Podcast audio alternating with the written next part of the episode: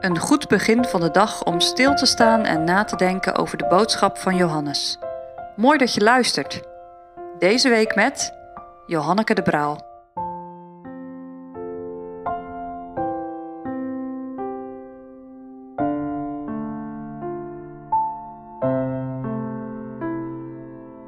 Johannes verstaat. We lezen samen Johannes 12, vers 37 tot 43. En hoewel hij zoveel tekenen voor hen gedaan had, nochtans geloofden zij in hem niet.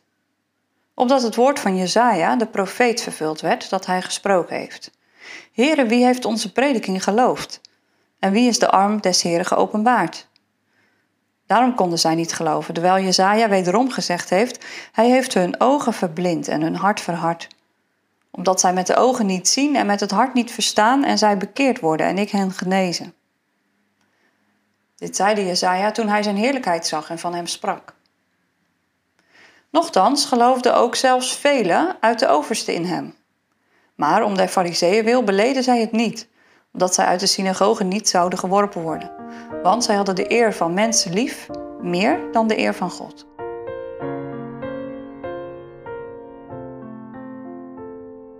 Twee leerlingen zijn druk in gesprek met elkaar. Nee, maar dat heeft die docent echt gezegd hoor. Toen en toen in die les. Oh, zegt de ander, bedoelde hij dat? Ja, nu snap ik het pas. Als de apostel Johannes zijn evangelie schrijft, ligt het lijden, het sterven en de opstanding van de Heer Jezus achter hem. Nu hij alles nog eens overdenkt en woorden geeft aan wat er is gebeurd, begrijpt hij de woorden die de Heer Jezus sprak over zijn verhoogd worden van de aarde. Dit verhoogd worden wijst op zijn sterven aan het kruis, zijn opstanding en zijn heengaan naar de hemel. Misschien heeft Johannes wel even vertwijfeld met zijn hoofd geschud. Hoe kan het dat hij de woorden van de Heer Jezus niet heeft begrepen? Hij heeft toch ook de tekenen en wonderen gezien? Blinden gaf hij het gezicht, doven deed hij horen, lamme mensen konden lopen en zelfs doden stonden op. Alles wat de profeet Jezaja had voorzegd, werd voor zijn ogen vervuld. Het lijkt wel of zijn ogen er nu pas echt voor open gaan. Niet alle ogen zijn opengegaan. Velen die getuigen waren van de tekenen en wonderen van Heer Jezus geloofden niet in hem. Als Jezaja eeuwen daarvoor iets ziet van de heerlijkheid van de Zoon van God en daarover spreekt, zegt hij: Maar hij heeft hun ogen verblind en hun hart verhard. Ze wilden niet geloven en ze konden ook niet geloven.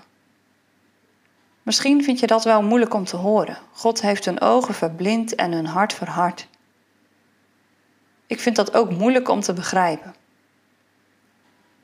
God is soeverein. Dat is een moeilijk woord, maar het betekent, even in mijn eigen woorden, dat de Heer geen verantwoording schuldig is aan wie dan ook. Hij is geen verantwoording schuldig omdat hij als koning der koningen het hoogste gezag heeft. En deze allerhoogste koning zegt vandaag tegen mij en tegen jou: zoek mij en leef.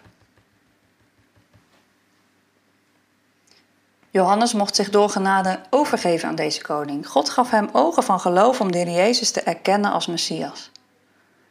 En zo werd hij een volgeling en getuige van de Heer Jezus.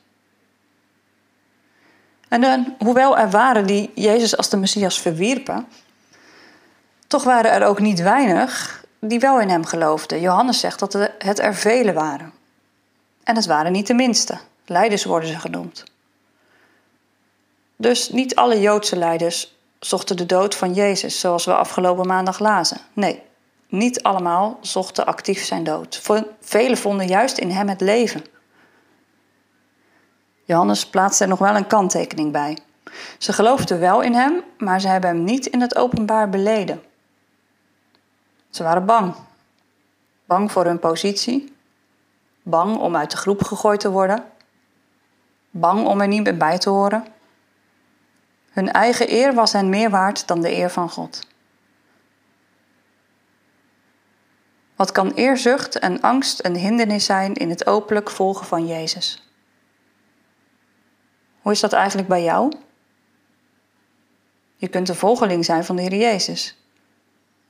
Maar ben je ook, net als Johannes, een getuige van Hem?